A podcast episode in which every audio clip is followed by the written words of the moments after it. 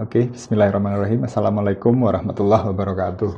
Waalaikumsalam warahmatullahi wabarakatuh. Hmm, kita manfaatkan siang ini untuk uh, ngalor ngidul ya. Tapi mudah-mudahan mudah-mudahan ngalor ngidulnya uh, buat kita memperbaiki apa yang yang sudah-sudah gitu. Uh, kalau yang terakhir kan bantu teman-teman yang SE itu kan? SE uh, ini saya nggak bicara nggak runut aja tapi yang saya ingat karena tadi memang tiba-tiba ya udah uh, kita meeting sebentar gitu. Uh, satu bantu bikin video.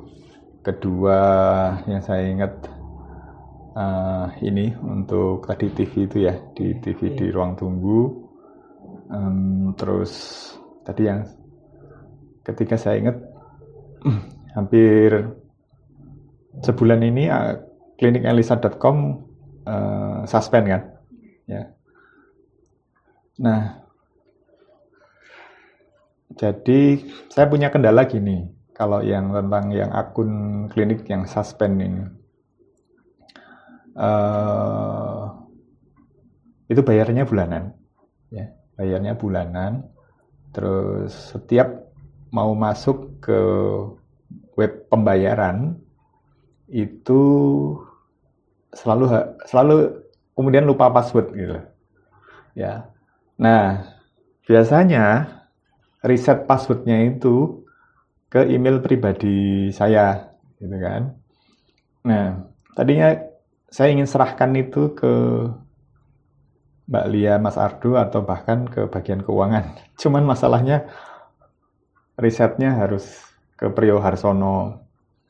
Nah, satu kendalanya itu. Yang kedua, jadi artinya kalau riset password itu harus konfirmasi saya, iya. kan gitu. Kendala satu di, itu. Kendala dua, sistem pembayarannya itu kalau dengan akun virtual virtual virtual account itu hanya berlaku 24 jam. Ya. Kadang-kadang Mbak Jal, Mbak Devi ya, Mbak Devi sok kelupaan. Jadi udah saya kasih nomor virtualnya satu hari nggak dibayar. nah, berarti kan hangus tuh akun virtualnya. Nah, masuk lagi ke web harus reset password lagi gitu kan. Hmm, nah, nanti kalau saya udah pergi, udah kadang lupa lah gitu kan, atau uh, eh ya udahlah uh, apa tarsok tarsok aja. Nah, uh, sebetulnya nggak bagus sih, cuman ya itu saya belum ketemu caranya gimana supaya bisa dihandle oleh bukan oleh saya gitu kan Nah, uh, tapi seandainya saya serahkan ya, saya harus open, kalian harus masuk ke web, eh apa, ke email email saya gitu kan. Nah, itu tentang web. Jadi uh, yang kedua adalah tentang apa tadi? Saya lupa barusan. Apa Mbak Lia? saya tadi sebut tiga tadi. Video SE yeah. yang kedua apa? Uh, oh TV oh, TV. ya. TV bawah. TV bawah. Hmm. nah sekarang yang kedua tentang TV yang di bawah itu memang uh, habis servis terus kemarin ada Mbak Lia tapi eh Aldo juga ada ya? Lah pas rapat tinjauan mutu itu kan ternyata kan lucu gitu loh. Hampir semuanya kan nggak tahu kalau ada itu kan hak dan kewajiban. Ya. Yang bapak bawakan ke atas itu. Uh -uh.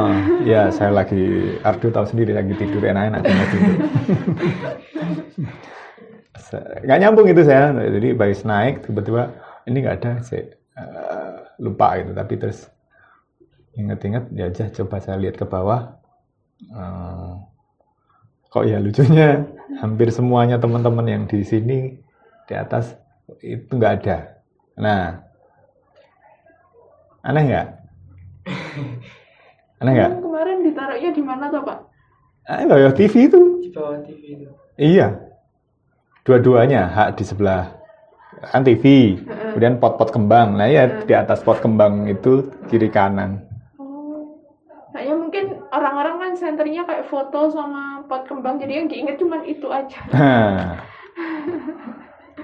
Nah, jadi dari kejadian itu saya kemudian berasumsi kita aja yang orang dalam nggak ngeh kalau ada apalagi orang luar gitu kan. Nah, eh, ini asumsinya. Padahal setiap misalnya setiap poster yang waktu itu saya bikin bareng-bareng itu selalu di bawahnya saya tulis kalau Anda komplain sampaikan kepada kami, kalau Anda puas tulis aja ulasan di Google gitu kan. Tulisannya lebih kecil gitu kan. Nah, pasti lebih nggak kebaca menurut saya yang gede-gede aja eh, kita intern nggak ngeh. Nah, sebetulnya memang namanya desain signage itu kan punya fungsi informasi dan fungsi dekorasi. Ya, kalau hanya informasi jatuhnya akan seperti yang dulu-dulu hanya tulisan tanpa ada warna yang warna dan bentuk yang macam-macam. Tapi begitu dikasih warna sama bentuk orang mikirnya itu foto.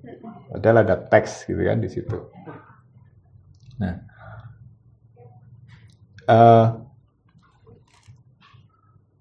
dari situ juga kemudian seperti Mbak Dia eh, bisik-bisik sama saya, Pak, ini di TV-nya tampilin ini dong gitu kan hak dan kewajiban pasien kan daripada TV-nya eh, sinetron dan eh, apa ya isinya nggak jelas tapi sementara kita sebenarnya punya punya kewajiban untuk menyampaikan hak dan kewajiban sebagai eh, juga kewajiban dari BPJS kan gitu. Nah, terus saya bilang gini ke Mbak Dia, ya deh nanti Ardul dan Mbak Lia saya minta buatin. Tapi kemudian saya ingat, oh ya kita pernah punya, gitu kan, pernah punya ya yang tadi di share ibu itu. Iya. Nah, tapi betulnya hak dan kewajiban bisa bentuknya bisa kita bikin banyak variasi gitu kan. Kita sudah punya satu itu, anggaplah belum cukup gitu kan. Eh, Coba kalau itu diputar-putar terus orang kan bosen. Tapi kalau nanti kemasannya bisa tiga macam, isinya sama tapi eh, kemasannya bisa lebih dari dua tiga macam, eh, orang nggak akan boring. Kadang gini, eh, orang awam itu bertanya sesuai dengan keawaman pengetahuannya kan. Buat kita yang ada di dalam klinik eh, tidak menyangka dengan pertanyaan-pertanyaan dari pasien atau tamu. Misalnya hak ingat nggak Mbak Lia haknya apa aja? Saya nggak ingat. Nggak ingat kan? Banyak Pak. Lima ya. Nah, lima. Nah, eh, bahwa dia berhak misalnya mendapatkan ah, Layanan. pelayanan berhak. Nah, kemudian pokoknya itu kan ditanya lagi gitu ya, ditanya eh, ditanya lagi. Padahal sudah ada gitu, atau bahkan eh penting gini, mungkin orang nggak perlu bertanya lagi. Kalaupun bertanya lagi, eh, ya kita punya videonya yaitu di share gitu kan. Haknya ini loh bu, wajibannya ini loh bu kan gitu. Catatan yang sering saya juga coba ingat-ingat sendiri bahwa orang awam itu patut diperhatikan dengan pertanyaan-pertanyaan awamnya. Contohnya begini, dalam bidang saya nih ya. Contoh, Mas Ardo, tahu bedanya arsitek sama arsitektur nggak? Nggak tahu kan? Nah, ah, satu orang awam. Mbak Lia tahu? Nah, nggak tahu juga gitu kan. Nah, karena nggak tahu, kadang-kadang nyebutnya misalnya Pak Pria itu arsitektur gitu kan. Dia kuliah arsitek. Bener nggak? Bener. Iya. Arsitek itu bukannya profesinya ya? Nah, kebalik. Oh. Pak Pria itu arsitek, Mm. kuliahnya arsitektur kan gitu. Nah, sering banget orang hmm, di bidang saya itu begitu gitu kan. Terus orang awam berikutnya tanya ke saya, "Eh, saya punya ruangan untuk piara kucing gitu kan. Kalau gitu tuh saya minta tolong arsitek atau interior designer ya gitu kan. Nah, simple kan sebetulnya gitu. Paling ya saya sih jawabnya, ya kalau arsitek bisa, interior designer juga bisa. Gitu. Makin bingung kan dia, gitu kan. Mungkin kalau orangnya kritis akan tanya lagi, sebaiknya saya pilih yang mana, gitu. Nah, biar kandang kucing saya benar-benar bagus misalnya. ya. Nah, ya kalau dia sudah tanya detail gitu, saya jawab gini.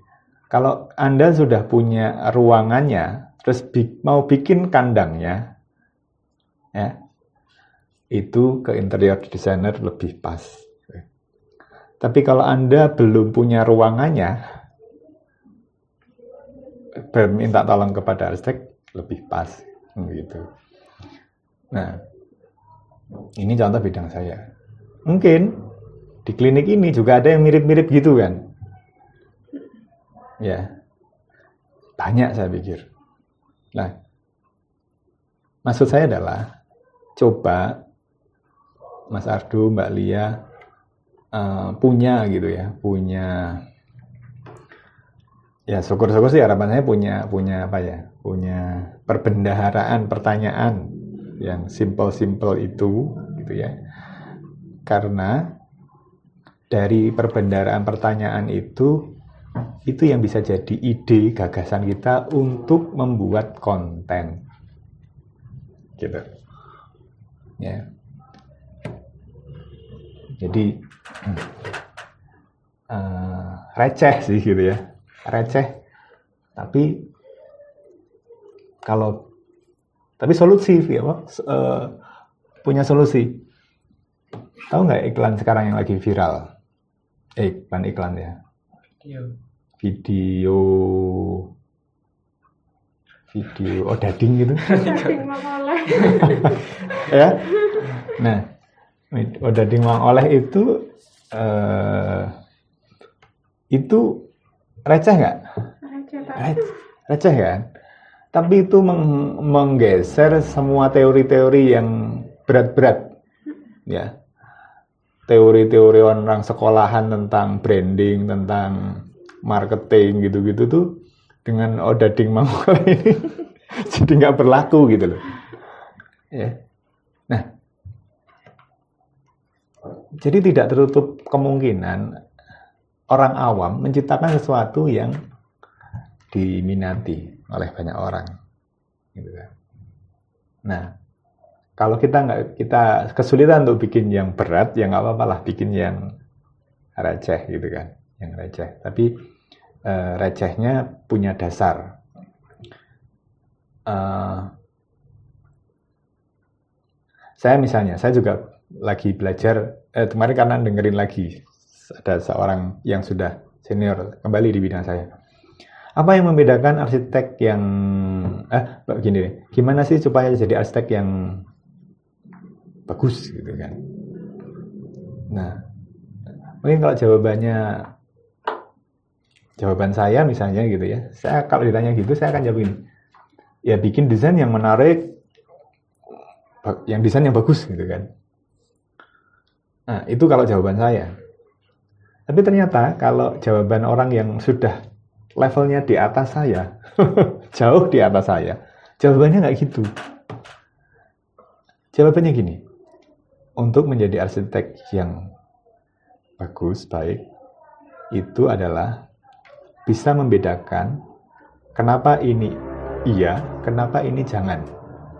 Gitu. Jadi do and done gitu kan. Uh, kenapa misalnya meski jendelanya kotak, kenapa nggak bulat? Kan gitu. Um, jadi nggak bisa. Saya hanya jawab, ya saya sukanya bulat aja. Dia nggak bisa.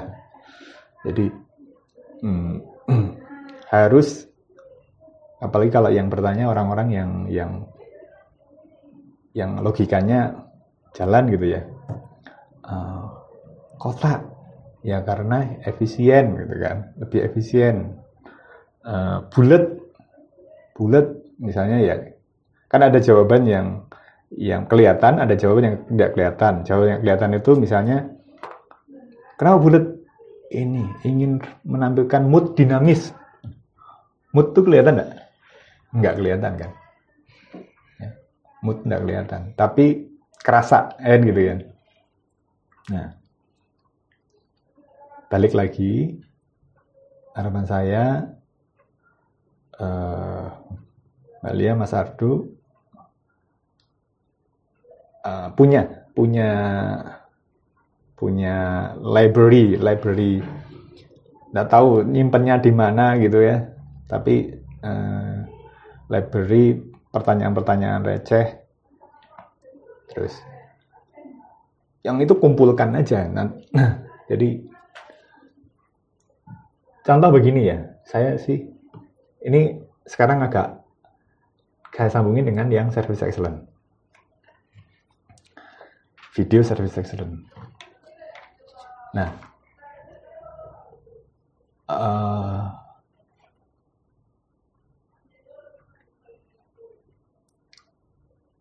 kalau gini, katanya ya, kata seorang pakar itu, uh, tanpa keuntungan maka tidak ada misi, gitu ya. Tidak, nah artinya klinik ini harus punya keuntungan, kan gitu. Nah, untuk mendapatkan keuntungan, klinik harus ada namanya pasien, gitu. Nah, klinik pesaingnya banyak, ya pesaingnya banyak.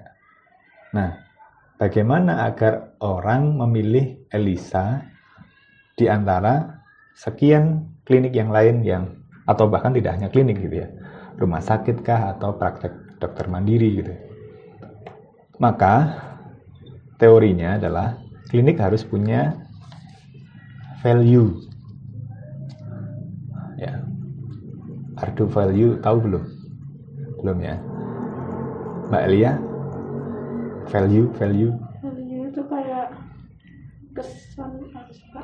Nah, ya value itu anggaplah mudahnya nilai lebih, ya nilai lebih. Nah, nilai lebih. Ada beberapa contoh pilihan untuk misalnya Elisa ini harus punya nilai lebih. Pertama, Elisa harus lebih dekat baik fisik maupun non fisik. Mungkin enggak? Mungkin. Kalau lebih dekat secara fisik, tentu yang dikatakan lebih dekat paling radius 1 sampai dengan mungkin 5 kilo gitu ya. Atas itu udah jauh. Nah, yang non fisik tadi kalau sudah berada di luar radius itu tapi punya kedekatan psikologis dengan Elisa gitu ya. Oh, aku cocok kok sama perawati, ya itu ya. Maka itu value yang pertama contoh. Value yang kedua, pilihannya. Elisa bisa nggak lebih murah daripada klinik-klinik yang lain? Bisa nggak kira-kira? Nggak gampang kan? Susah. Susah ya? Iya. Nah, susah. Lebih dekat bisa, tapi lebih murah agak susah. Minimal samaan gitu kan. Lebih mahal mungkin iya, ya banding yang di jembatan itu jembatan itu murah banget kan? lebih murah berat Elisa harus lebih atau yang ketiga Elisa harus lebih cepat pelayanannya daripada yang lainnya bisa nggak Bisa. bisa dengan catatan kalau misalnya pasiennya sesuai dengan SDM yang tersedia maupun anggap aja inilah ruangan yang tersedia kan gitu ya. Jadi lebih cepat. Lebih dekat, lebih murah, lebih cepat. Nah, uh, tadi du, uh, tiga ini sekarang yang keempat atau yang keempat. Nah, yang keempat ini sudah lebih umum, apa uh, lingkupnya lebih luas. Adalah Elisa harus lebih excellent pelayanannya dibandingkan yang lain, gitu kan? Nah, excellent itu misalnya gini, kalau klinik-klinik yang lain sudah lebih cepat, kalau namanya excellent harus lebih cepat lagi. Ya. Kalau yang lain sudah lebih ramah, maka Elisa harus lebih ramah lagi. Gitu. Makanya eh, disebutnya pelayanan prima, maka disebutnya kan service excellent. Nah, Mbak Lia sudah se sebelum ini udah paham belum tentang service excellent? Saya waktu kemarin nggak ikut soalnya. Nggak ikut kan? Jadi iya. belum kan? Nah, sebutlah di Elisa ini yang ikut service excellent waktu itu kalau nggak salah belasan gitu ya, mungkin 10-12 gitu ya. Kemudian yang mereteli itu lebih dari 50% Mbak. Kemudian mau fokus dulu kepada empat orang. Siapa aja dok? Mbak. Mbak Dwi. Tia. Nah, nah empat ini. Padahal karyawan Elisa ada berapa? 40-an. Nah, mau nyoba yang empat ini empat ini juga kalau nggak di namanya di uh, di di aping, didampingi terus itu juga akan mereteli. Ya. Jadi itu kenapa ya tugas pemimpin seperti ibu itu untuk tanda petik ngoyak-oyak. Karena kalau enggak akan kembali lagi ke nol. Jadi meradeli kabeh. ya. nah. Kalau meradeli kabeh balik lagi maka kita tidak banyak punya harapan untuk lebih daripada klinik yang lain. Gitu.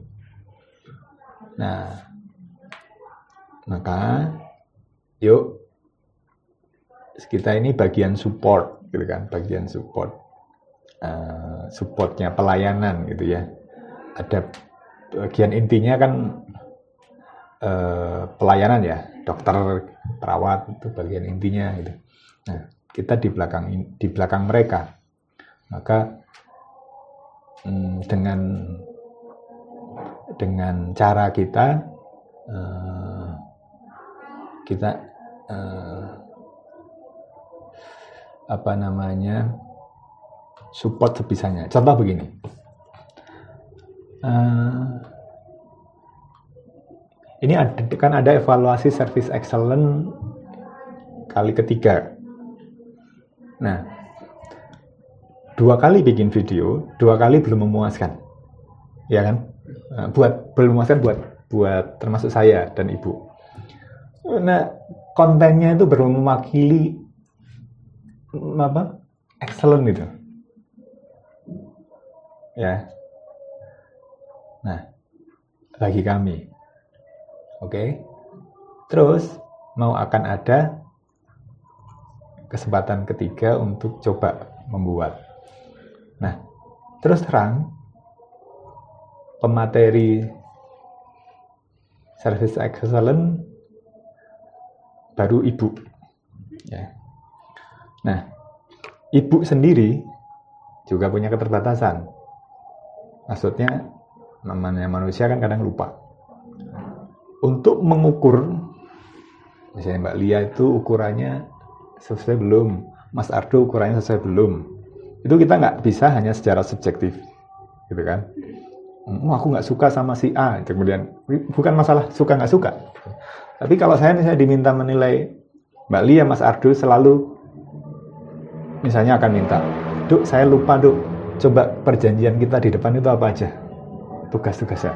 Itu kan ukurannya Mbak Lia apa aja job desk-nya kan gitu nah ukurannya kan itu nah sama service excellent itu karena ibu lupa coba lagi mengingat lagi gitu apa yang dia sampaikan. Nah kemarin minta ke saya eh, video-video uh, rekaman materi service excellent, minta lagi dong gitu. Ibu minta lagi. Nah uh, karena tadi webnya kan suspend. Ya, aduh saya nggak bisa buka. Saya ingat-ingat lagi apa ya, di mana ya nyimpennya ya. Oh iya iya, di YouTube gitu kan. Ya untung Ardo dulu sudah saya minta untuk bantu susun duk gitu kan. Nah rapi itu ya ada berapa video yang satu ya tuh ya? Iya. 11 apa berapa Lebih dari 10. lebih dari 10 banyak nah itu rapi gitu kan. Dan buka bu- di- ibu buka-buka lagi. Dah? Ibu pengen belajar materi kedua lagi? Nah, ibu sendiri belajar lagi mengenai lagi? Yang communication skill mana ya gitu? Karena ini videonya anak-anak kok belum mempraktekkan seni berkomunikasi gitu ya, skill berkomunikasi gitu. Waduh di YouTube belum ada dok kan gitu kenapa belum? Karena waktu itu gagal rekam. Ada ada suara oh ya gagal rekam lah. Nah audio. Itu permasalahannya audio. Tapi yang bentuk eh, podcast punya ada. Nah tapi yang bentuk podcast yang saya upload itu baru satu gitu kan. Nah ini cerita nyata bahwa ada gunanya loh gitu kan. Minimal buat diri sendiri kan gitu Eh, pas disimpan di situ coba kalau hanya disimpan di laptop atau di waduh berarti itu laptop di sini lagi apa mungkin laptop saya yang di mana gitu kan? Nah jadi begitu. Jadi eh, bahwa kita nggak tahu kapan kita butuh gitu ya. Eh, tapi terjadi beberapa kali kalau eh, ibu lupa gitu minta dikasih linknya lagi gitu ya. Nah makanya eh, PR-nya kita eh, juga Ardo yang saya juga agak-agak lupa lupa ingat ya Dok ya. Karena komputer kan sudah nyebar ya. Iya. itu ada di data komputer yang mana gitu. Ya itu belum sempat diedit sama Ardo belum sempat diupload ke YouTube. Ya, dia harus di trace dilacak lagi ya nah eh, itu eh, cerita yang di belakang yang yang be- benar baru kemarin terus tadi tentang communication skill, communication skill, skill komunikasi. Nah, misalnya ibu bilang begini, biasanya kan saya sama ibu kalau ngobrol sambil nyetir di jalan pun ngobrol, apa ya, praktekin, eh, eh, kenapa ya anak-anak ndak ndak ndak ndak buka, gitu kan, ndak buka. Sebenarnya apa yang dipelajari service learning kemudian itu coba disajikan dalam dalam videonya masing-masing gitu kan. Karena ada kesempatan gitu kan. Nah, saya pikir karena mereka juga lupa, saya mikir juga karena mungkin mereka sibuk gitu ya. Tapi anggaplah kalau misalnya jangan begini loh, sudah sibuk, dikasih tugas. Eh, coba ini kalau anggaplah kalian sibuk nih ya, kemudian tak kasih tugas. Bikin sekali gitu kan. Pengennya ngulang apa enggak? Enggak. enggak kan? Kalau bisa sekali udah. Jadi. jadi kan itu buat Mas Ardu Mbak Lia yang support pun pengennya sekali. Saya pikir juga mereka juga pengennya sekali gitu kan. Sekali belum memuaskan. Ngulang lagi kan? Dua kali. Dua kali belum memuaskan. Kali ketiga. Harusnya bisa sudah bisa pindah ke bab lain nih. Harusnya kan begitu. Nah maka yang kali ketiga ini sebetulnya bukan. Sebetulnya yang kemarin sempat saya punya gagasan eh, tapi mungkin ibu nggak nggak nggak ngeh gitu ya dengan usulan saya. Kalau ingat waktu rapat SE yang pertama itu adalah saya minta sempat ada yang didesain videonya yang direncanakan. Iya. ya toh? Iya. tapi ibu kan mintanya yang spontan. Nah, spontan bagus tapi ha- ya harus nggak nggak mungkin juga bisa spontan murni gitu kan nah ternyata setelah spontan itu belum memuaskan baru yang direncanakan. Nah yang direncanakan saya pengen tanya nih sama Ardo sama Mbak Lia. Kemudian udah lihat ya? Eh, kira-kira perencanaannya dari teman-teman ini sudah apa seberapa apa ya seberapa ma, seberapa ini seberapa matang gitu perencanaannya Kalau yang. Aduh dulu Iya. Hmm. Kalau perencanaannya sih kayak dadak semua pak. dadak semua Kan awal saya, saya, saya sama Mbak Lia itu udah nagih semua. Saya yang nagih sama Mbak Lia.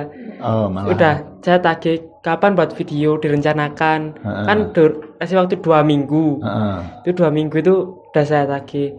Kok nggak ada kabar lagi? Ditagih lagi. Oh besok besok. Tagih lagi Set. besok gitu. Akhir dua minggu kurang dua hari baru semua. Jadi mepet Eh, mepet saya bingung gimana. Tapi itu juga nggak direncanakan kayak nggak direncanakan Cuma punya Mbak Dia aja sih. oh Mbak Dia Iya. versi Mbak Lia Kalau yang?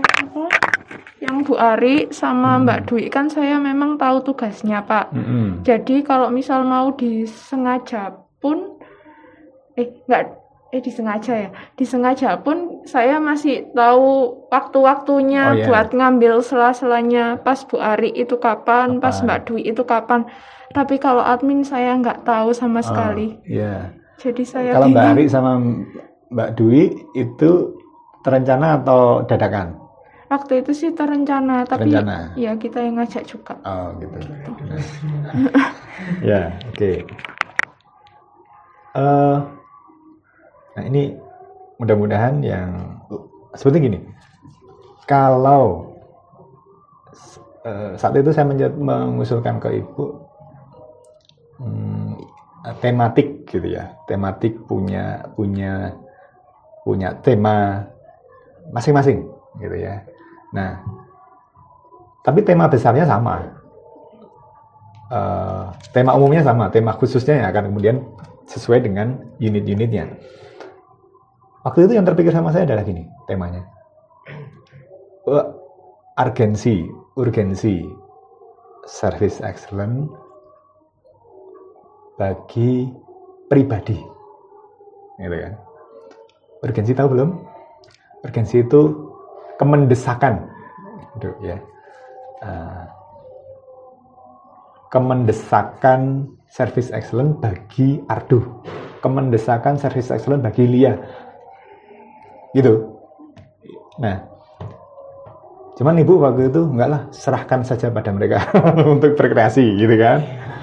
Nah, ya hasilnya ternyata eh, seperti masih belum.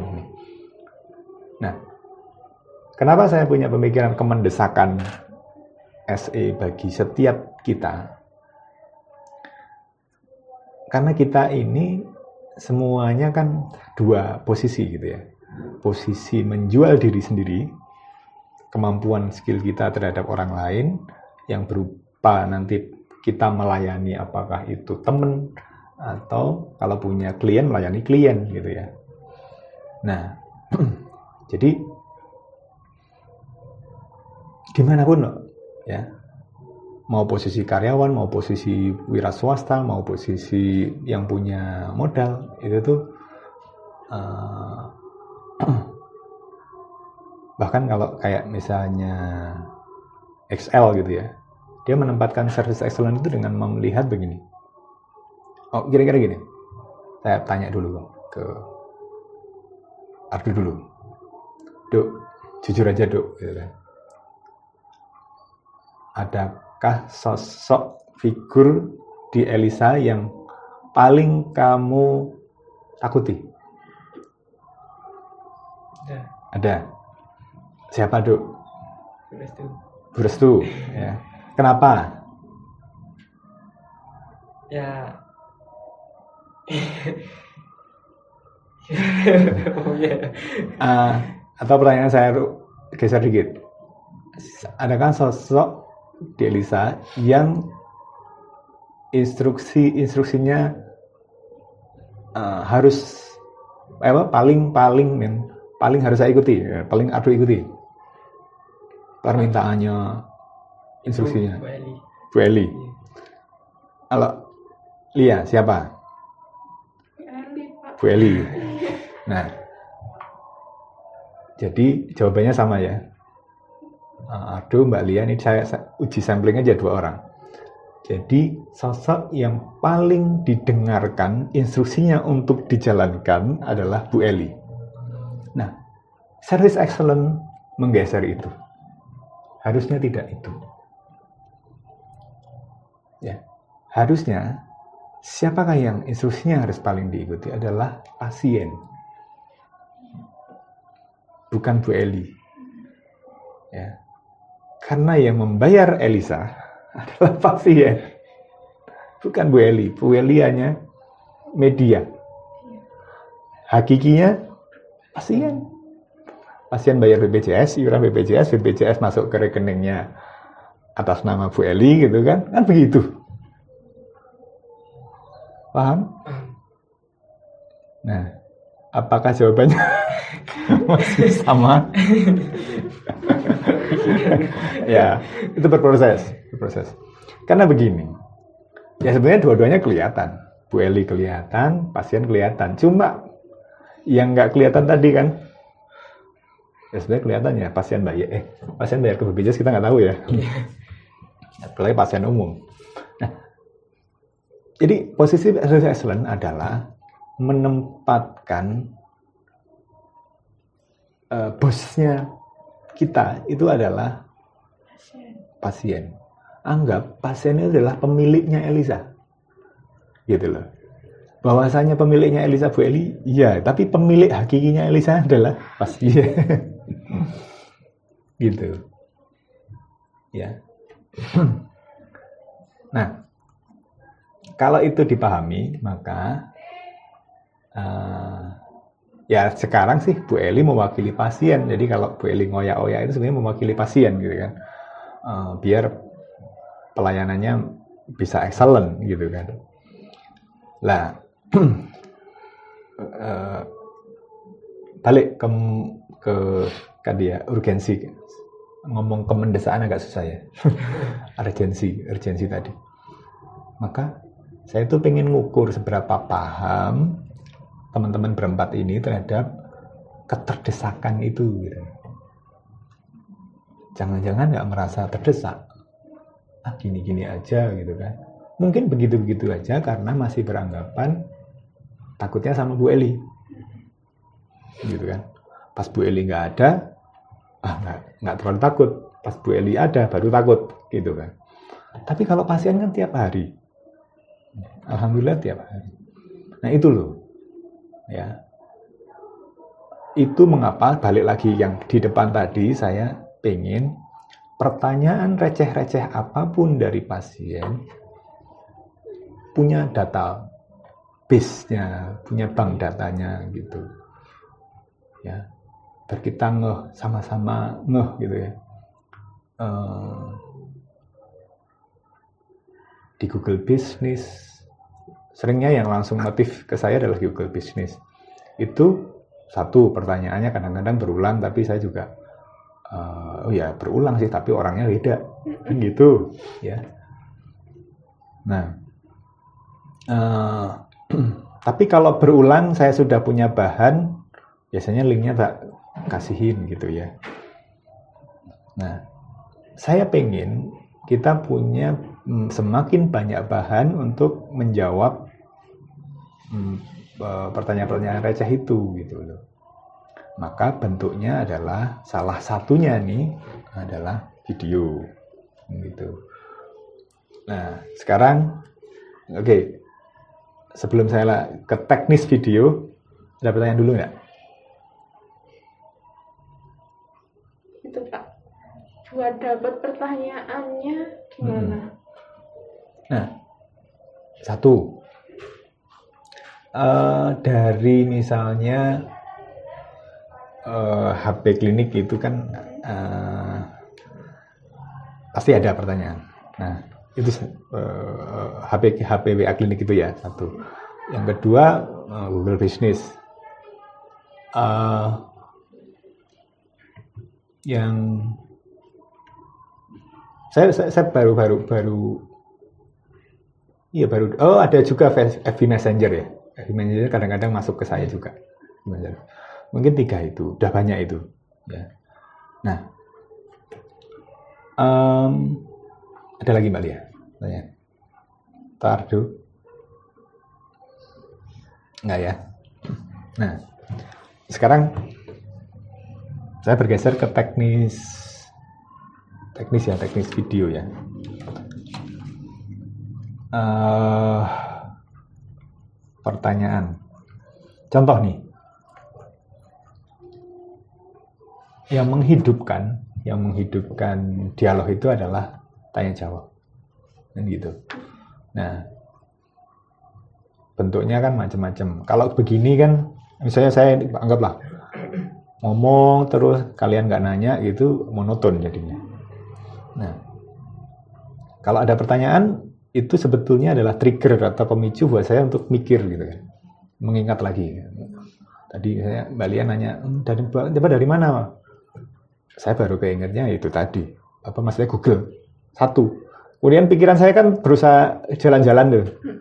Oh HP klinik. Jalan lagi. Oh ya HP Messenger. Gitu. Nah. Eh balik. Menghidupkan eh, komunikasi.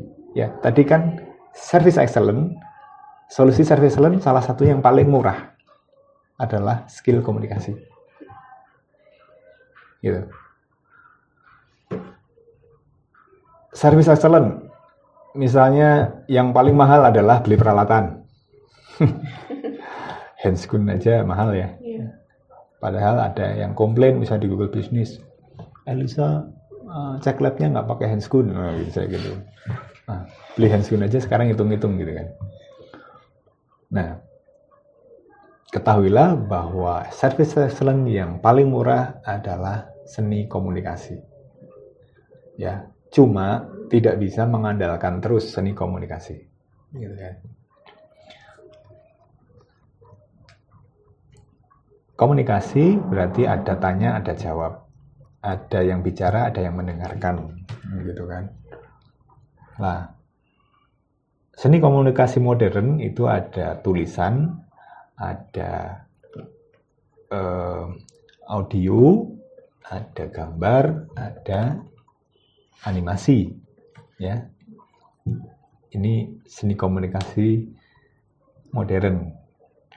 Nah, langsung saja video ya, bicara video ini karena sudah video ini mencakup empat-empatnya ya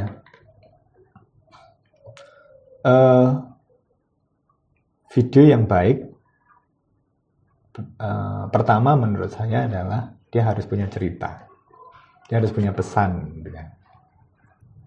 Ya. maka jangan buru-buru ngambil gambar gitu ya kalau belum punya rencana pesan yang ingin dihasilkan ya. itu misalnya kita punya 30 detik kayak kemarin misalnya lo itu cuma satu menit ya Eh, berat sih gitu ya tapi untung udah ada tema tema itu adalah eh, pesan nah jadi kalau tema sudah atau pesannya sudah dapat gitu. Kalau tadi sih misalnya saya, saya ambil contoh pesannya apa yang ide saya itu? Service excellent mendesak.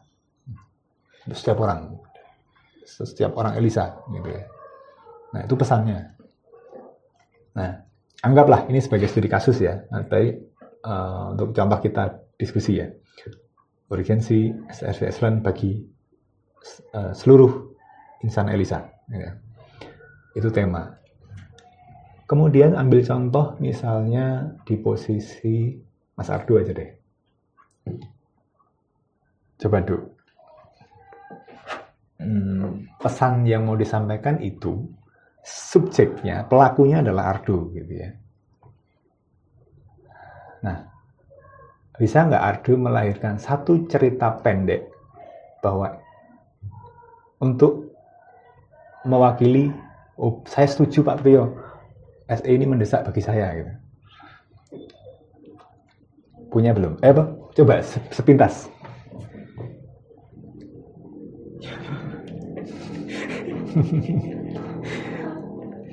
Mbak Lia dulu deh, aku biar mikir.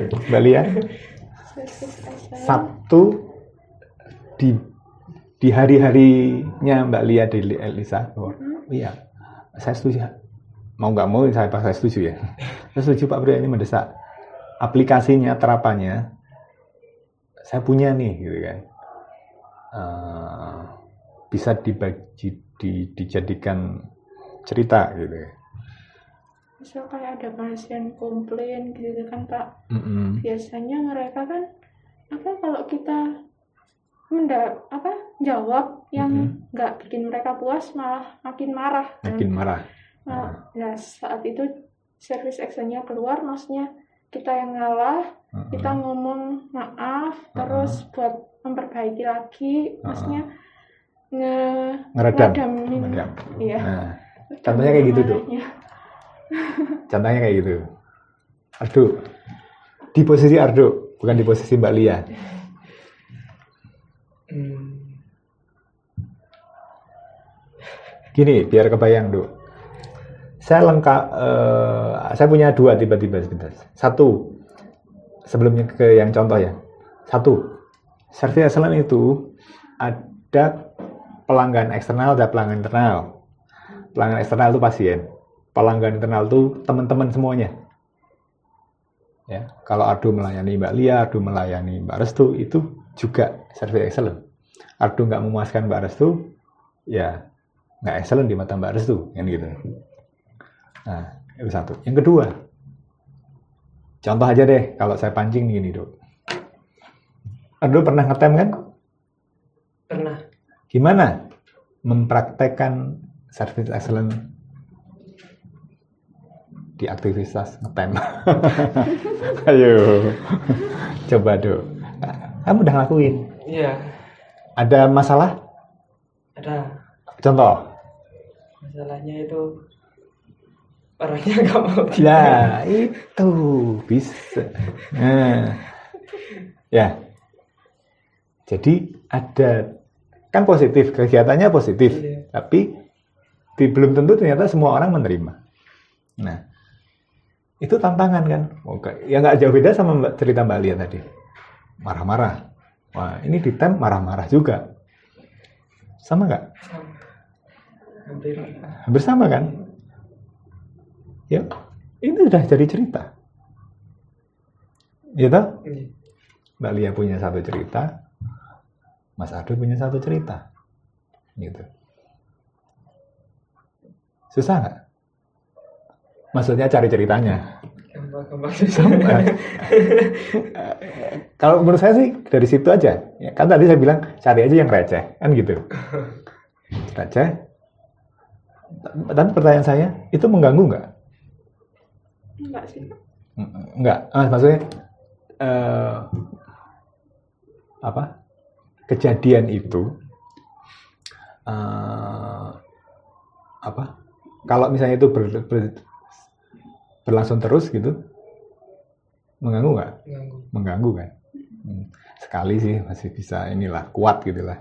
Tapi kalau hmm, gitu terus nggak nyaman. Gitu. Nah, eh, banyak kok cerita tentang ngetem itu eh, terap apa penerapannya penerapannya tidak mudah gitu ya. Em, saya ingat misalnya ibu ya, ibu itu pernah ditem suhunya di atas 37 gitu lah. Terus kaget juga ibu. Yang bener pak ulangi pak, gitu kan. Eh, oh iya, waktu itu mau masuk ke XL. Jadi ngetemnya nggak ke sini, ke sini. Nah, 37. Nah terus eh kan nggak boleh masuk kan? Padahal perlu banget kan? Gitu kan. Yang benar pak sekali lagi. 37 lagi gitu kan. Terus coba sini pak kenapa nggak sini gitu kan? Oh ya ikut nanya kenapa sih pak kok nggak sini? Gitu kan. Bu kemarin tuh ada yang komplain ditembak di sini gitu. Loh itu yang komplain siapa? Pasien kan ya pak tamu kan gitu. Nah it- eh, jadi ya ada. Ketemu nih misalnya satu kayak line mendesak tentang ngetem gitu ya tentang meng, eh, Mas Ardo tentang komplain ngetem ini tentang komplain eh, mungkin lebih spesifik kejadiannya apa gitu ya. Nah. Eh, kan ditulis temanya ini. Kejadiannya Mas Ardo contoh ya. Eh, pasti tidak lepas dari pelaku kan gitu ya. Kita abaikan pelaku deh. Misalnya kita sebut B gitu ya. Si B. Nah. Eh, ada ada kan ada dua pelaku. A dan B gitu kan. A-nya Mas Ardo B-nya eh, si pelaku. Mungkin ada pihak ketiga C gitu ya. Eh, C itu eh, misalnya nanti yang men- me- menengahi gitu kan. Yang berselisih ini ngasih jalan keluar gitu ya. Nah satu penokohan ini namanya kan penokohan tokoh-tokohnya. Terus ada latar belakang latar belakangnya tempatnya di mana waktunya kadang gini loh waktu itu juga untuk kasus ini penting gitu ya contoh saya kalau ditem habis dari mobil itu biasanya 34, 35 gitu. Ya. Nah, karena habis dari kena AC kan. Nah, hmm, mungkin ibu ini 37 kalau yang hafal bahwa ibu itu darahnya rada panas saya karena saya sering sentuhan kulit kan sama ibu gitu kan. Jadi nggak terasa sakit, tapi suhunya memang tinggi gitu kan. Karena ada ada- kadang-kadang ada orang yang begitu, misalnya kulit-kulit ayam gitu ya. Hmm. Nah, jadi eh, latar belakang ya, waktu, eh, lokasi. eh, di lokasi misalnya kalau ngetemnya habis dari parkiran mungkin suhunya kan lebih tinggi gitu kan. Tapi kalau ngetemnya sudah masuk basement itu turun gitu kan misalnya. Waktu tempat apalagi mbak Lia? Latar belakang gitu ya. Waktu tempat eh, oh ya ada juga latar belakang tokoh. Ya Eh, gini anggaplah ini antagonisnya adalah B misalnya B ini menolak atau komen komplain di tem dia punya alasan nggak? Ada kan? Nah, ya it- itu yang perlu kita cari. Mungkin Mbak Lia dalam saya agak geser ke Mbak Lia, barangkali Mbak Lia itu bisa belajar lebih sabar karena dia sudah belajar misalnya memahami latar belakang. Saya tanya Mbak Lia, kalau hubungan coba kalau hubungannya latar belakang si orang yang komplain itu ya, nggak ada angin, nggak ada hujan, komplain yang menghadapi Mbak Lia. Mbak Lia sabar tapi bukan sabar semata-mata service excellent ya, tapi sudah paham bahwa ada latar belakang. Apa kira-kira? Saya itu ada komplain pasien. Hmm. Waktu itu kan emang dokternya lama. Mm-mm. Terus orang ini tuh orang BPJS. Iya. Nah, ada juga waktu itu pasien daftar pakai umum. Mm-mm. Terus perawatnya itu panggil yang umum dulu. Sedangkan yang BPJS ini masih nunggu lama. Kalau Mm-mm. umum kan biasanya di bawah Mm-mm. kita memang panggil dulu. Mm-mm. Nah, orangnya umum ini masuk, terus dokternya juga lama, terus orangnya makin kayak marah gitu Ya, loh, ya. Ah. Udah nunggu lama, dokternya lama. Lah itu orangnya baru datang kok udah dianukan. Emang Ah. kalau BPJS di dua di nomor dua kan gitu ya. Nah, iya. Ah, jadi mungkin Mbak Lia udah nebak-nebak wah ini yang BPJS bakal ngambek ini gitu kan. Karena background-nya itu latar belakang eh, ya seperti itu. Jadi wis ancang-ancang bakal komplain nih. kan bisa gitu. Nah, coba kalau Mas Ardu dalam kasusnya Mas Ardu eh, nggak harus real tapi kira-kira membayangkan latar belakang aku bisa menghadapi orang ini meskipun eh, bisa sabar karena saya paham latar belakangnya. Kira apa ya? Kan waktu ngetem kan orangnya di, ditem di sini nggak mau Mm-mm. Mau ditem di tangan nggak mau Mm-mm. terus orangnya nunjukin berita Berita apa? Ah. berita yang ditem di sini katanya Oh iya. itu. ya Ah. Oh ya, bisa tuh. Iya, latar belakangnya kan itu. kan. Iya. Dia punya punya pengetahuan dari berita itu. Dia tunjukin gitu ya. Iya. Ah.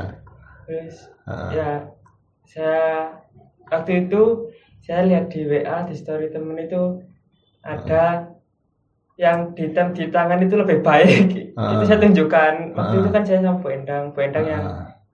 saya kayak dibantu Bu Endang Ah. saya mundur lihat berita yang di tangan itu saya tunjukkan ke orangnya ini Iya. Bu bisa gini. Mm-mm. ternyata orangnya mau Mm. terus yang belakangnya lagi Mm-mm. katut juga Ada juga. Iya. Minta di tangan. nggak nggak mau juga Nggak mau ditem. Iya. Nah, itu kan saya jadi tahu bahwa oh nggak mau kan gitu. Kalau nggak mau kalau di tempat lain udah nggak boleh masuk bener-bener gitu kan. Nah, eh, berarti kan harus ada solusi itu kan gitu. Ah, ah, ya solusi sih memang menuntut bahwa kita harus lebih pintar daripada mereka, pintar dalam menjelaskan, pintar dalam memahamkan gitu kan. Kalau Mas Adu nggak bisa ya panggil yang lebih ngerti gitu ya. Nah, eh, asumsi saya yang lain, misalnya ya eh, ini, oh tahu-tahu dia marah mungkin memang di rumah udah ribut sama, udah marah sama anaknya lah, sama suami istrinya, pikir-pikir begitu gitu kan. Nah, dapat dapat eh, rangkaian cerita nih gitu ya dari dari dua ini tadi ya. Eh, kalau itu saya cut sampai dengan hmm, di situ saja, maksudnya em, nggak saya panjangin sampai pendaftaran, kira-kira gitu. Itu sudah jadi video edukasi, gitu. Jadi em, ya untuk menjadi saya ambil contoh yang Arduino ya. Untuk menjadi edukasi yang tanda petik eh, tadi- saya sudah cerita bahwa kalau mau jadi arsitek yang baik yang tahu yang yang enggak dan yang tidak gitu. Apa? Yang enggak dan yang iya gitu. nah kalau mau jadi ahli apa? Bukan ahli. Kalau mau jadi pelaku ngetem yang baik ya bisa mengerti yang iya eh, yang do dan dan dan gitu kan nah eh, perlu riset perlu meneliti gitu kan. Perlu banyak pertanyaan gitu kan. Nah coba saya gali lebih lanjut duk. Eh, kemudian apa yang Ardo ketahui tentang tangan dan kepala tadi? Kira-kira setuju yang mana? Lebih setuju yang mana gitu.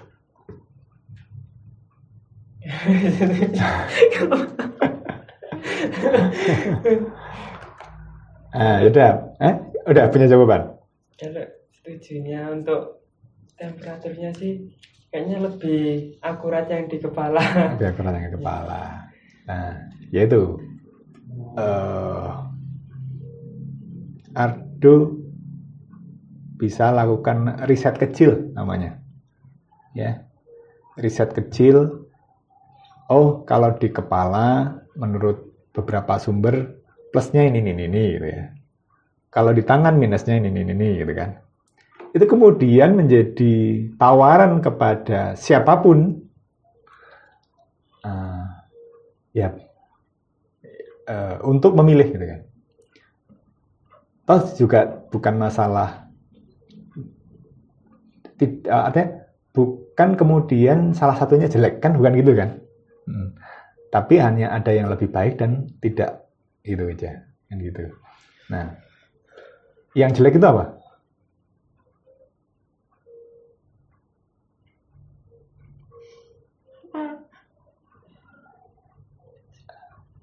Ya yang jelek yang kalau tidak ditem. ya kan? iya iya toh. Nah, artinya kalau eh, apa namanya? Eh, artinya tidak perlu diperdebatkan antara tangan dan ini, tapi bahwasanya kan bisa jadi otot-ototan gara-gara itu gitu ya. Nah, justru otot-ototan itu bagi yang tidak mau itu wajib ngotot gitu kan. Karena resikonya lebih besar kan begitu ya. Dikhawatirkan lebih besar. Nah, ini sudah ada satu contoh cerita nih, secuil nih gitu kan. Ya. Dalam kasus Mbak Lia juga saya pengen sudah punya.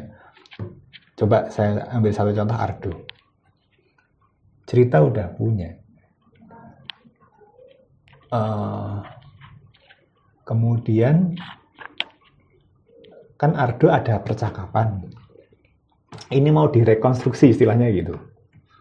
Nah, kalau misalnya udah luar kepala, Ardo pernah melakukan mungkin tidak perlu ngetik kalimatnya, gitu kan. Tapi kalau misalnya masih perlu aku biar untuk komunikasinya lebih baik, tak bikin kata per kata, kalimat per kalimat, gitu kan. Udah begitu, berikutnya adalah eh sekuen namanya istilah beratnya sekuen ya tahu nggak sekuen sekuen tuh urutan urutan cerita. Ya. Urutan cerita. Jadi eh, gimana supaya nggak tiba-tiba orangnya tahu? Kan coba kalau ada tiap langsung ke ujung kan nggak lucu gitu kan. Mungkin bisa datar eh, sebenarnya ya kalau mau aman-aman di awal ya datar aja. Dari nomor 1, 2, 3, 4, 5 gitu kan. Hmm. Tapi kalau mau dibikin menarik ya dibalik misalnya kan. Yang tegangnya itu misalnya biasanya kan di tengah. Itu tegangnya di nomor 3 nah, teg nah tegang di nomor 3 ditaruh di depan misalnya. Orang langsung melotot gitu ya. Nah sekuen urutan punya urutan. Nah setelah ada sekuen ada urutan menentukan urutan-urutannya baru belanja gambar Iya. Eh, belajar gambar. Eh belanja kok belajar? Belanja gambar itu bisa sumbernya tiga gitu yang saya ingat. Ngambil sendiri. Download video. Atau download gambar. Ya. Gitu kan? Nah kalau download download download saya eh, kesampingkan. Tapi sekarang eh, belanja gambar sendiri. Ya ori ya ori. Ori versi sendiri. Alat-alat sedikit-sedikit sudah eh, saya saya juga belajar ya mem, aku tahu persis lah. Dulu gagal-gagal audio kan. Nah alhamdulillah yang ini berhasil dok. Kemarin saya maksain sebelum menemani mak-mak ke Bali saya maksain. Harusnya kalau online lebih murah 250 ribu tapi saya maksain offline. Ternyata eh, apa? Lumayan. Jadi di lebih baik dari yang waktu kita rekaman yang pertama di depan itu dok yang pakai mixer itu ya oh iya Hmm. Dan ini kan karena tanpa kabel jadi fleksibel ya. Nah, eh, balik lagi ori eh, belanja gambar secara ori, maka mau tidak mau eh, ya harus belajar eh, namanya birol. Pernah dengar istilah birol? Nah, bisa googling, bisa youtuban gitu ya. Tapi hmm, saya memancing saja bahwa eh, dengan istilah ini mudah-mudahan karena gini, ada namanya meta skill ya. Siapa pun kita, nggak pandang apakah itu dokter, nggak pandang apakah itu ahli gizi atau IT gitu ya. Ada namanya meta skill, skill yang perlu kalian pelajari gitu ya. Skill di luar ya kalau dokter biasanya kan belajar ilmu kedokteran gitu ya. Eh, ini menurut saya. Em, pertama adalah skill komunikasi. Ya harus dipelajari. Yang kedua adalah skill menulis juga harus diasah komunikasi itu mungkin lebih ke kemampuan berbicara sama mendengarkan ya itu harus sama baiknya gitu. Jadi saya ulangi uh, berkomunikasi, uh, bicara maupun mendengar. Yang kedua adalah uh, menulis. Yang ketiga itu adalah grafis, grafis Mbak Lia edit-edit dan dibantu aplikasi misalnya. Nah, uh, terus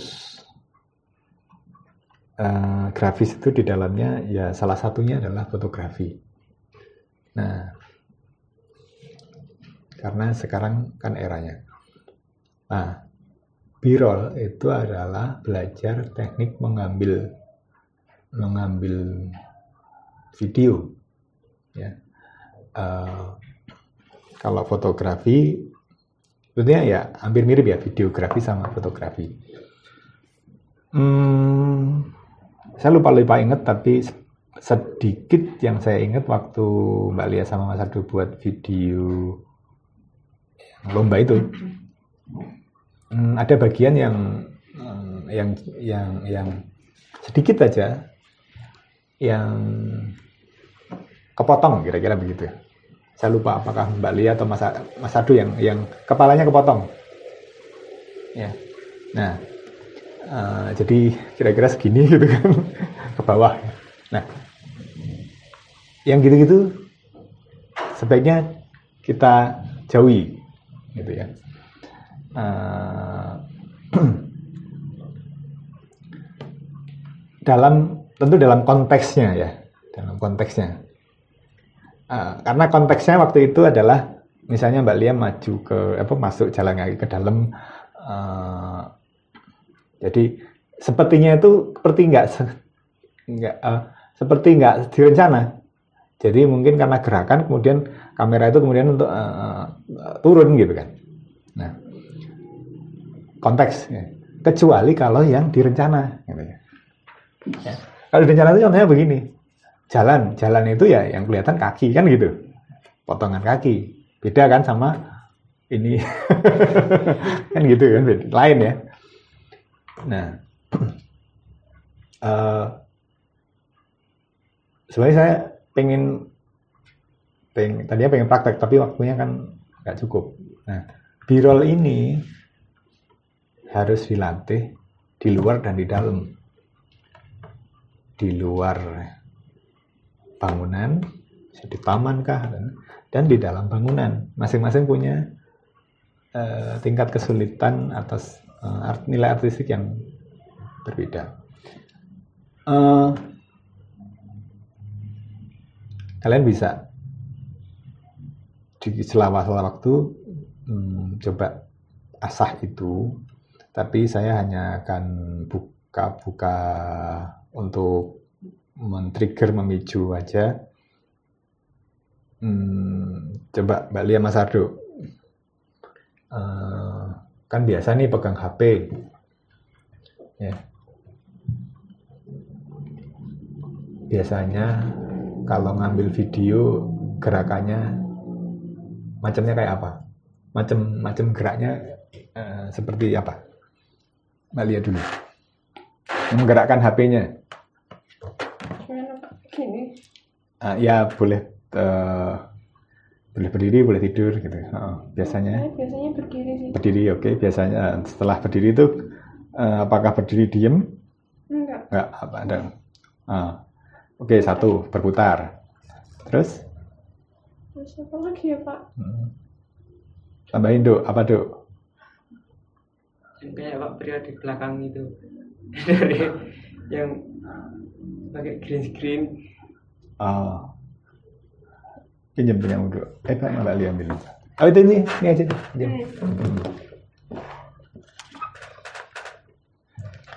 Nah, Mbak Lia tadi kan gini ya. Ini sa- satu macam. Satu. Prinsip-prinsipnya ya. Satu. Yang kedua, ini kan. Ya. Yang ketiga kira-kira apa? Hmm? putar Ini kan tadi mutar. yang kan itu kan putar Ah, kalau ada objeknya eh, iya pasti ini ada objeknya kan? kayak waktu Pak Brio di belakang macet diem diem itu Pak Oh, oh, oh iya, ininya yang muter kan? iya Hmm. Oh ya, ini gin itu muter kalau muter ek- eh, keluar keluar. Nah, ada lagi mutar ke dalam. Kan? Ya, mutar ke dalam. Memutari sebuah objek, gitu kan. Kalau ini memutar eh, ke objek yang lebih luas. Ini juga lebih luas, tapi juga bisa balik lagi. Mutar ke dalam juga, gitu kan. Ada lagi? Zoom. Ah, zoom. Maju mundur. Gitu. Ya, maju mundur. Ada lagi? Hmm. Ada lagi dong. Tut.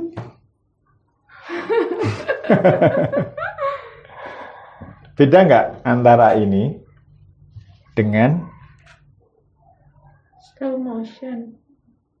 Apa? beda nggak? beda Beda. Ya tak? Nah, antara gini dengan gini beda beda. Ya. Nah, itu aja prinsip-prinsipnya. Jadi hmm, kayak diperkaya dengan ya, patokannya itu. Jadi eh, oh aku pengen pengen biar nggak monoton ya udah memutar objek. Nah, eh, nah bergeser begini pun juga bisa. Nah sekarang kan ke- kembali ke aspek kedua adalah objek. Eh, ada objeknya diem, ada objeknya bergerak, kan?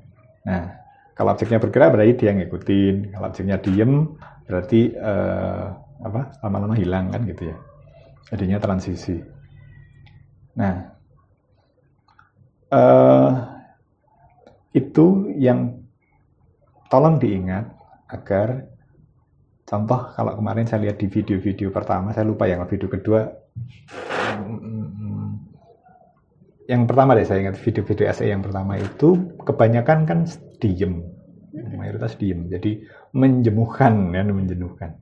Nah, coba kalau misalnya meskipun itu hanya Mbak Restu di situ, tapi eh, berapa detik, berapa menit digerakkan.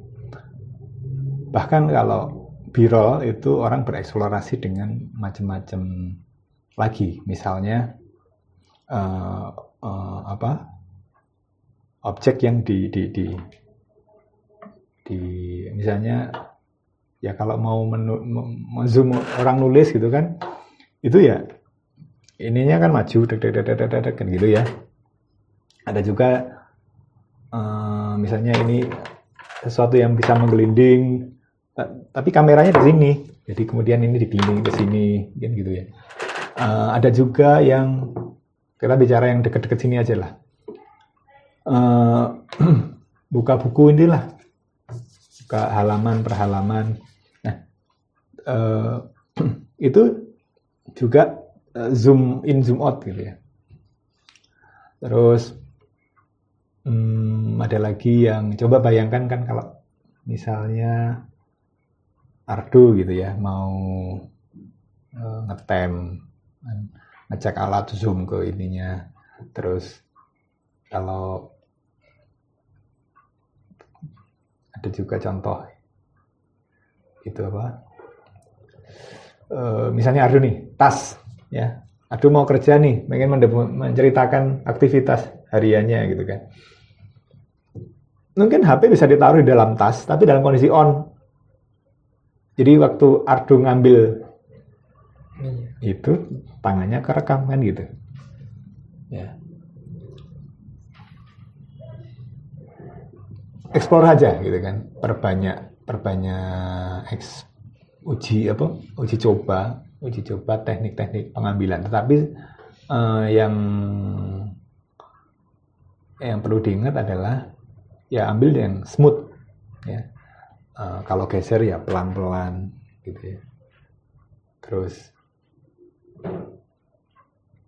kalaupun ada yang pengen dibikin shaky, goncang gitu ya, ya itu memang direncana goncang gitu ya. Wah, aku naik tangga gitu kan, lari gitu kan. Ya udah dibuat goncang aja gitu kan. Di tengah, misalnya dulu videonya 2 menit, eh, 10 detiknya goncang kan, nggak apa-apa. Eh, itu b-roll kemudian kalau audio oke sudah. Em, lighting yang sulit ya. Lighting saya kira kita alatnya masih terbatas. Ya pelan-pelan deh. Kecuali kalau di dalam ruang ya. Itu Hmm, ada pertanyaan ya Ardo Ini ceritanya kita yang bikin atau orang empat itu yang bikin, Pak? Hmm. Eh, kemarin itu kalau di sel, saya nggak salah yang sudah pengen, artinya, nah, SE itu salah satu parameternya adalah responsif. Ibu itu di grup Service Excellent tadi malam menunggu jawaban siapa yang mau bikin video lagi. Nah, makanya ibu sempat eh, komplain di grup. Ini mana nih praktek SE-nya? Saya WA dari jam sekian sampai malam tuh nggak ada yang nanggapin. Berarti kan nggak responsif. Baru setelah digituin semua nyaut. Jadi harus nunggu begitu dulu. Ya, yang Mbak Endang, Mbak Endang sempat saya nggak malu bu, ya nggak pede di depan kamera gitu lah.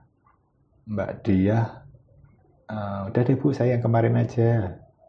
Mbak Dwi katanya mau ngubungin Ardo, ya.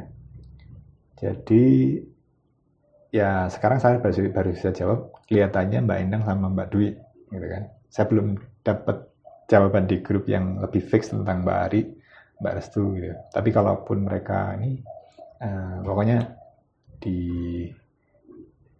tentu disupport. Tapi itu tadi harapan saya apa yang saya sampaikan kepada Mbak Lia dan Mas Ardo itu juga aplikasikan ke mereka. Artinya kalau bikin temanya dikunci gitu. Ya. Temanya apa gitu? Pesanmu apa gitu kan? Coba saya pengen dengar. Kalau dari video yang kedua. Udah lihat semua? Sudah. Coba Mbak Lia. Pesan Mbak Restu apa? Pesan restu. Apa dong? nah nah lewat ya tenang gitu ya. Pesan Mbak Dwi? Mungkin ke pasien gimana ramahnya waktu nerima pasien. Keramahan, pesannya keramahan. Bu Ari, Hari itu sama Pak. keramahan ke pasien, juga. keramahan. Nah, Bu Dia, keramaan ke teman kerja keramahan ke teman kerja. Nah, jadi eh, ada pesannya mm, keramahan gitu kan. Nah, mungkin di, di- kalau mereka mau di video ketiga ditajemin lagi aja. Ya. berarti yang difokuskan itu lebih kayak skill komunikasinya ke antara teman, bukan tentang tugas-tugasnya. Eh, artinya nanti kalau idealnya sih di video itu ada judulnya juga Mm, bahwa pesan kami eh misalnya anggaplah pesannya Mbak Dwi itu keramahan pada pasien ada judulnya. Mm, Eh, terus jadi tidak harus saja ke apakah itu teman? Enggak Tem- maksud saya dikunci itu dikunci bukan subjeknya tapi dikunci eh, pesannya gitu. Hmm. mau teman oke. Mau pasien oke. Mau eh, apa mitra misalnya. Kayak mitra itu misalnya berestu dengan vendor-vendor. Itu juga. Ya. Dan, contoh kalau sama vendor itu misalnya kalau saya dulu di di uh, yang saya kan misalnya vendor misalnya nagih. Mm. terus kita belum siap bayar nih. Bagaimana kita menjanjikan kepada vendor em, misalnya vendornya gini oh saya udah meleset minggu kemarin loh ini kok meleset lagi. Nah kayak gitu gitu kan. Nah skill komunikasi kemudian eh, misalnya Mbak Jal Mbak Devi. Mbak Devi kan pasti akan menjanjikan di kapan hari gitu ya. Nah hmm, itu itu bagian dari SE jadi ada namanya reli reliable. Jadi eh, sesuai janjinya gitu kan sesuai yang dijanjikan. Jadi tidak semata-mata komunikasi. Eh, satu komunikasi yang saya itu ya satu responsif Eh, reli- reliable mendapat apa kesesuaian dengan janji. Kemudian eh, ini istilahnya saya lupa ya tapi performance performance itu gini yang gampang. Wangi apa enggak? Gitu ya. Rapi apa enggak? Apa? Ibu aja itu kalau Nah, ini ini saya kasih contoh bareng-bareng ibu aja itu kalau mau praktek selalu ganti baju Ya. kadang-kadang nggak sempat mandi lagi gitu. tapi selalu ganti baju baju semua biar nggak bau gitu ya. nah hmm, eh, ibu juga kalau pesan ke perawat-perawat gigi itu ya eh, apa misalnya kalau ada yang BB gitu ya ya harus disembuhkan gitu kan. Itu itu bagian dari SE Eh, terus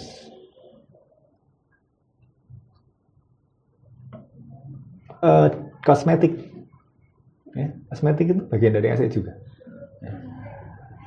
Eh, tapi sekarang kan corona ya jadi agak susah juga eh, menunjukkan eh, masker. Eh,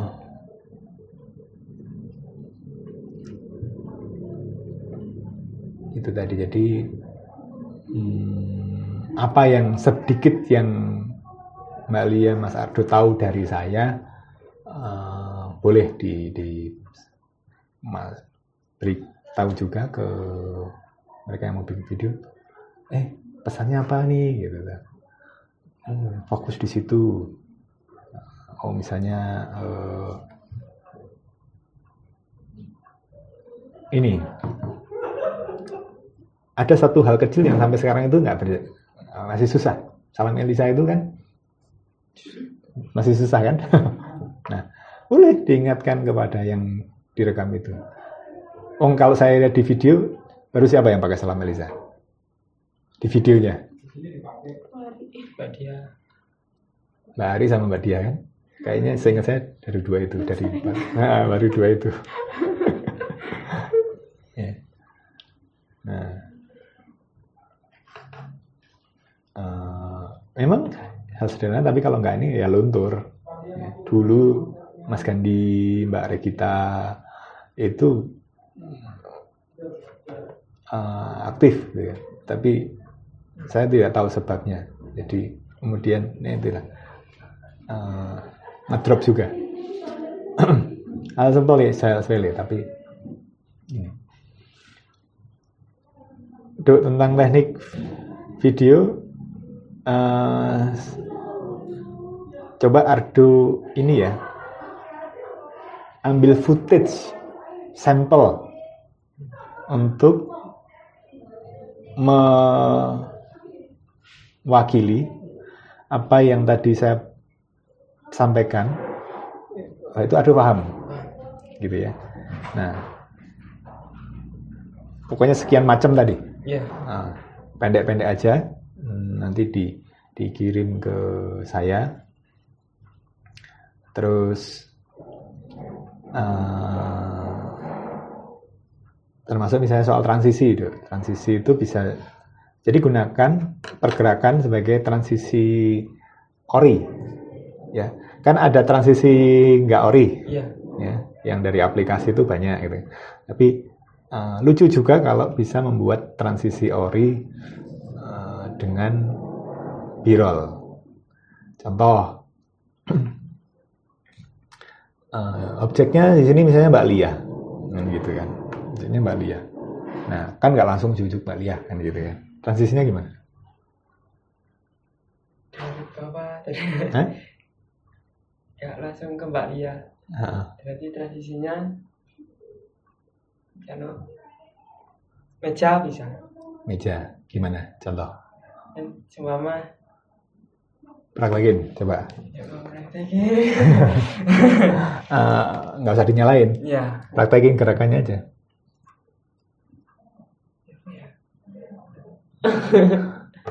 nih. Ya gini aja. Ini kan dari Mbak Lia nggak kelihatan Iya. sampai Mbak Lia kelihatan. Nah ini kan transaksi transisinya. Nah gitu. Atau misalnya nggak tahu kalau ada sesuatu yang yang berdiri ya. Misalnya gelas itu tuh gitu ya. Coba coba gelas itu. Ini tadi kan gerakan geser ke atas. Nah bisa juga kan gini gitu. Ini kalau di editingnya nanti lebih punya waktu sih. Yang bagian sini diedit bukan apa eh, mungkin teks gitu ya. Teks atau warna gitu. Terus ada gelas baru di sini kan Mbak Lia muncul kan gitu. Gitu.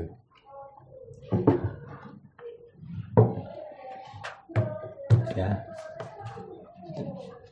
Eh, oh ya yang saya ingat juga gini hubungannya antara sekuen sama teknik pengambilan gambar video. Eh, ini buat saya sih menarik karena ini melatih. Misalnya nggak ujuk-ujuk eh, nggak restu di mejanya. Kan gitu. Hmm. Anggaplah urutan sekuennya adalah dari jalan dari tangga menuju ruang admin. Kan begitu? Nah ada punya ini enggak bayangan oh ini harus aku ambil birolnya kayak apa? Dari tangga masuk masuk ke admin ke mejanya coba tangga. Mbak Lia sambil mikir ya nanti ngelengkapin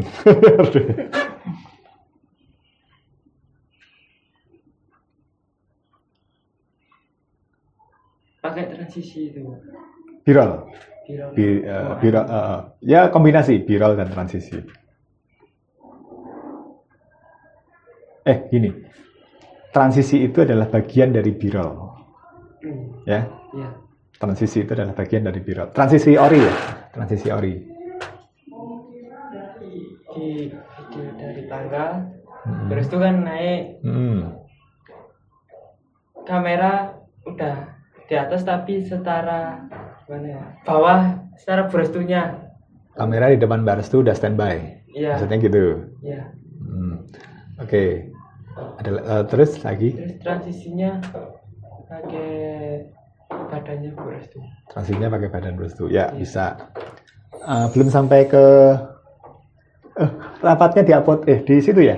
Oh, di kafe. Di kafe ya? Ya. Belum sampai meja duduk. Sampai ke mejanya.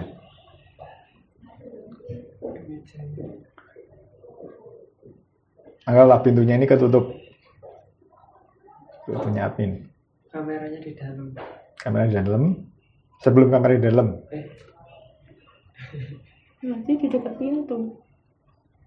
Iya di tengah-tengah. Di tengah-tengah. Objeknya, objeknya berestu. Bisa jadi misalnya objeknya maksudnya eh, kan ada zoom, zoom jauh, dekat, zoom dekat. Mungkin objeknya kan membuka pintu gitu ya. Jadi apakah itu pintu geser atau jadi nggak nggak nggak monoton full body kan. Nah, zoom ke ke tangannya gitu kan.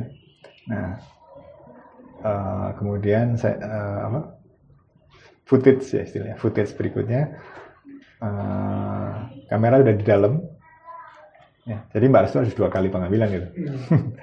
Mbak Restu pas mau buka pintu sama Mbak Restu sudah eh Mbak Restu baru mau masuk. Iya. Kan gitu. Nah ini kalau contohnya pintu. Kalau contohnya mejanya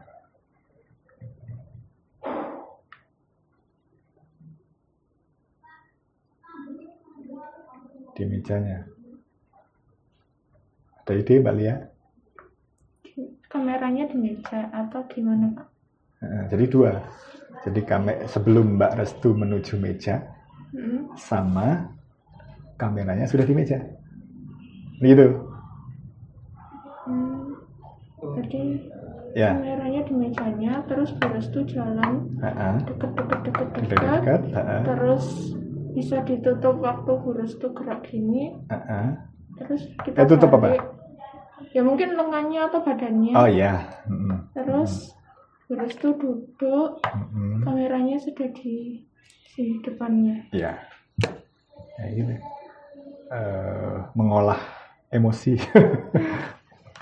Sambil kalau ya dengan latihan sih ya memang ini harus dengan latihan Eh, apa kadang gini kalau saya. Pas nggak ada apa nggak direncana udah terlanjur di lokasi bingung mau mau ngapain gitu. Ya. P- padahal momennya mahal ya. Misalnya hmm, ada yang udah lihat saya di Baluran? Belum Pak. belum. Nah tadinya pengen sih sebenarnya membuat pesan gitu ya tapi jujur nggak sempet. Takdirnya sampai juga baluran gitu kan. Dan sampai baluran itu eh, jam setengah satu siang gitu ya. panas-panasnya gitu. Pernah ke baluran? Pernah. Nah, buat saya pengalaman pertama dan tentu eksotis menurut saya gitu sangat eksotis. Nah tapi bingung gitu saya aduh nggak. nah eh, mungkin karena nggak nggak latihan gitu ya nggak nggak- kurang latihan gitu. di baluran hmm, saya bingung terus eh, saya pernah lihat fotonya Mbak Lia di jembatan Jembatan. tadinya saya nggak tahu itu jembatan mana tapi koreksi kalau saya salah Eh, pas saya mampir ke pantai bom ya eh Iya. pantai bom Ah, ah, di Banyuwangi. oh bener ya Iya. Ah. Ah. oh ternyata mbak lihat di sini pas lihat eh, apa di Facebook ya ini di mana nih ya gitu kan nah, pas di pantai itu oh itu cuma pas saya mau ke sana itu nggak bisa Oh, kenapa Pak? nggak tahu apa saya nggak tahu jalannya apa karena memang Itu maksudnya dari jalur yang mana ya? Itu kalau nggak salah ada perbaikan jalan, jadi kita masuknya yang kayak masuk-masuk gitu loh Pak, bukan Bukan jalan utamanya. jalan utama. Oh iya. Iya. Hmm. Di eh akhirnya ke pantainya nggak ke situ-situnya, Iya. cuma lihat dari kejauhan sana. Nah, eh, ya. Tapi gini tuh, eh, kalau misalnya dalam beberapa, aduh masih ada waktu untuk coba footage-footage yang eksperimen tadi lakukan, tapi kalau ternyata eh, dari empat orang ini sudah ada yang minta tolong ya langsung praktekin di situ nggak apa-apa. Ya. Hmm, terakhir, tolong kalau mereka mau bikin eh, pesan dan sedikit ceritanya entah mereka yang buat atau dibantu kalian gitu ya. Minimal gitu ya. Minimal satu halaman lah ya. Satu halaman itu dikirim dulu sebelum take gambar gitu jadi biar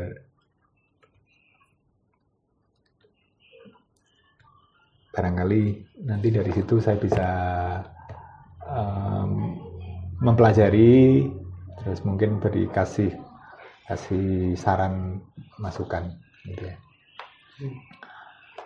Oke, ada pertanyaan? Anu pak itu kalau sulit lagi gimana Apa sulit? Oh sulit mereka ininya iya mengoyak-oyak. Nah gini aja.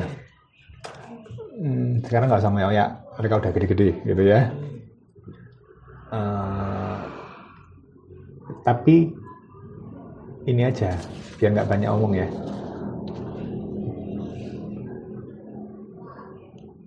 Apakah sebenarnya tulisan sih? Misalnya eh, jadwal produksi video SE ketiga gitu ya. Nah, di situ bikin tabel nama, nama, judul, hari gitu ya. Nah, sadarin aja ke mereka, suruh nulis gitu kan. Kalau nggak nulis berarti mereka nggak ada rencana gitu kan. Nah, kalau jadi kalau kan yang menulis harinya kan mereka sendiri tuh. iya Nah, jadi ini ukuran mereka SE apa enggak? Jadi karena yang janji bukan Ardo atau Mbak Lia, tapi yang janji hari kan mereka. Nah, itu juga sebenarnya bagian dari, terus terang bagian dari, kadang-kadang ibu tidak menilai sendirian. Ibu itu minta saya untuk menilai juga teman-teman. Nah, eh, ya saya kasih tahu kalau eh, contoh hal seperti itu adalah bagian dari penilaian nggak semata-mata videonya karena kalau eh, mereka sudah dapat teori service excellence hmm, jadi ya saya pun juga harus buka-buka lagi untuk bisa oh iya yang ini sudah meraktekin di poin-poin-poin ini gitu ya. Gitu. Itu ya jadi eh, apa ya yang sekarang nomor eh judulnya ya Eh, rencana produksi video service excellent ketiga Ya. Video service excellent perbaikan apa langsung ketiga gitu aja ya perbaikan aja deh perbaikan tiga nah terus ini judulnya nomor nama eh, apa eh, topik pesan lah gitu ya. Topik pesan. Kalau ini kan istilahnya kerennya kan premis nih. Mereka bingung premis opo gitu ya. Eh, rencana hari produksi. Eh jadwal produksi ya? Jadwal produksi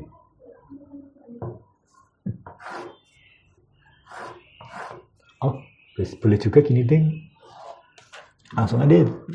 Satu dua tiga. Kayaknya tidak hanya berempat itu deh. Yang lain-lainnya juga dipersilahkan. Yang ada di jadi tidak ada apa? Kayak Mbak Endang gitu kemarin juga. Jadi ini nggak cuma yang empat kemarin Mm-mm. aja. iya. Oh tambahin yang di nanti di sampingnya ini dua oh. apa ya istilahnya Hmm, apa enaknya istilahnya bikin dan tidak gitu. rencana bikin dan rencana tidak Setuju atau tidak kita Oh ya. Eh, misalnya namanya udah yang yang udah. Saya sih bahkan sebetulnya semuanya pengen saya buat gitu ya. Tidak hanya mereka dengan topiknya masing-masing. Ya nggak apa-apa nanti di service excellence ditulis saja semua namanya. Kemudian yang ini kan tahap ketiga perbaikan tiga. Eh, atau gini deh saya serahkan ke kalian nanti yang bikin dan yang tidaknya istilahnya apa gitu Iya. jadi kalau ada itu kan kalian juga bisa ngereng waktu kan ngerin suatu jadwalnya siapa? gitu. iya mm. nah kalau uh, misalnya mereka switch waktu eh, ya nggak apa-apa artinya harus ngasih tahu dulu sebelumnya gitu. Artinya kalau nanti Mas Ardu atau Mbak Lia yang ngejar-ngejar kan tinggal tunjukin ini gitu ya ada lagi dok sudah ya. Oke sudah cukup dua jam lebih ya. Makasih. Tolong eh, audionya dikirim ke itu aja ya grup IT aja ya. Iya. Eh, sama coba ini dok upload ke Angkor FM ya? Angkor FM tahu Nah, nanti tak emailnya ada klinikelisa19@gmail.com passwordnya yang itu. Iya. Oke saya tutup. Makasih. Wassalamualaikum warahmatullahi wabarakatuh. Terima kasih.